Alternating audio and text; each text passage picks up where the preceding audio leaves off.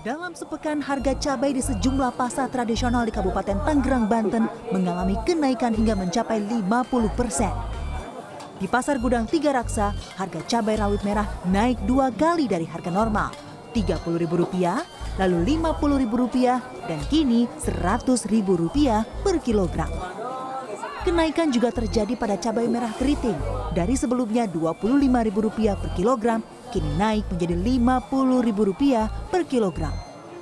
Bawang merah dari sebelumnya Rp20.000 per kilogram juga mengalami kenaikan menjadi Rp28.000 per kilogram. Selain jelang Natal dan Tahun Baru, kurangnya pasokan akibat cuaca buruk diduga menjadi penyebab kenaikan harga. Sebabkan faktor cuaca mungkin faktor alam istilahnya. Kan musim hujan nggak bisa metik istilahnya ya. Tahu masih stok di petani udah dikit mungkin. Jadi itu banyak yang istilahnya permintaan mas kan nggak permintaan setiap itu banyak permintaan. Jadi barang sedikit pasti harga melambung. jadi hemat-hemat aja dihemat-hemat ya dari setengah kilo jadi seperempat gitu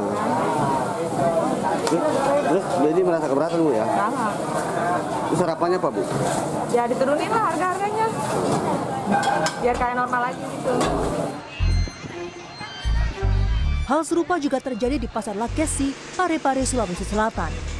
Sejak sepekan terakhir, harga cabai rawit melonjak hingga lebih dari dua kali lipat. Normalnya cabai rawit dijual Rp30.000 per kilogram, namun kini harganya di kisaran Rp70.000. Selain karena tingginya permintaan jelang libur Natal dan Tahun Baru, stok pengiriman cabai rawit dari daerah penghasil menurun karena gagal panen dampak cuaca buruk.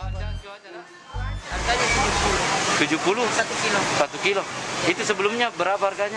Sebelumnya bisa 30. 30. Sejak kapan Bu? Sejak kapan naik? Ada bisa satu minggu. Satu minggu ya. Kira-kira pengaruh kenaikannya Bu? Cuaca. Cuaca ya. Konsumen berharap harga bahan pokok segera turun agar biaya belanja tidak naik serta kebutuhan hidup bisa kembali normal. Di lain pihak, banyaknya konsumen yang mengurangi pembelian membuat omset pedagang ikut merosot. Tim Liputan CNN Indonesia.